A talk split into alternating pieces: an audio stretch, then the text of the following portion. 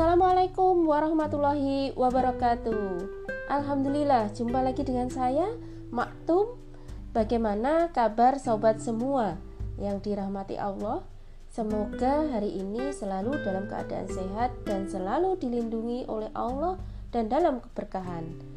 Wahai sobat, hari ini mari kita sedikit mengoreksi diri, sedikit kita muhasabah, sedikit kita membersihkan hal-hal yang buruk yang nangkring begitu saja di hati kita.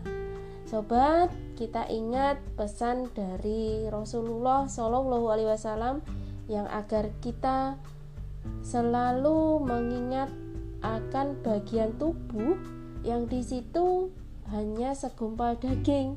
Namun, bila ia baik, maka akan baik secara keseluruhan di badannya. Namun, jika ia rusak, akan rusak semua yang ada di tubuhnya. Ingatlah, itu adalah hati. Ya, tentu saja kita mengingat akan hal itu. Sobat, Allah Subhanahu wa taala juga berfirman di dalam Quran surat Ar-Ra'd ayat 28 yang kurang lebihnya diartikan sebagai berikut.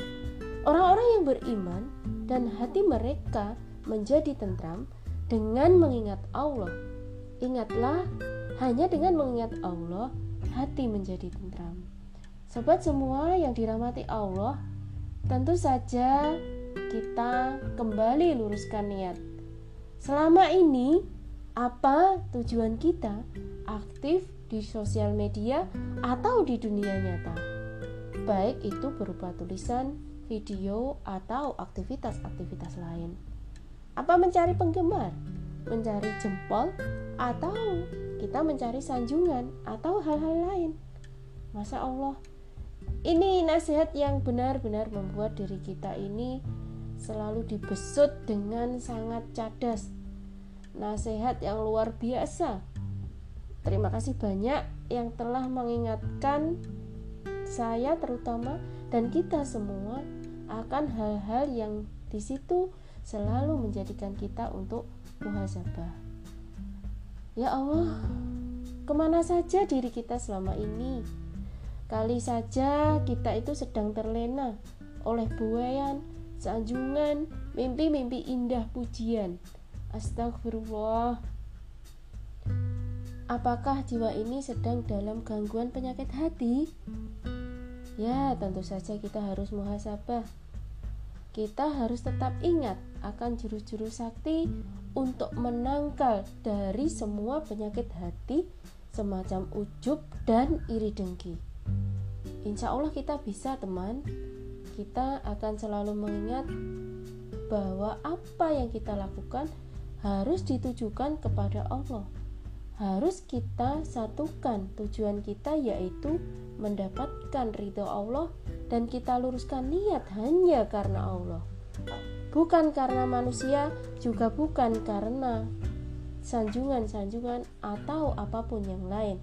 Jika semua itu kita tujukan hanya karena manusia, kita akan mendapatkan hal yang sia-sia dan kita akan mendapatkan apa yang kita lakukan akan sirna dan tak berbekas. Luruskan niat dan luruskan niat lagi Kembalikan semua karena Allah, kembalikan semua karena kita ingin mendapatkan ridhonya. Kembali lagi, bukan karena sanjungan, bukan karena pujian, karena itu selalu istighfar dan ingatlah Allah di hati kita. Mari kita perbarui niat setiap saat.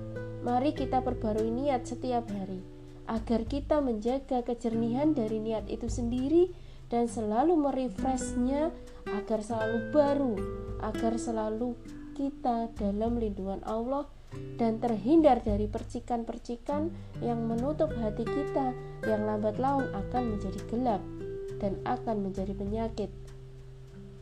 Teman, kita belum apa-apa. Kita bukan siapa-siapa. Seberapa banyak sih karya kita? Seberapa banyak pengorbanan kita?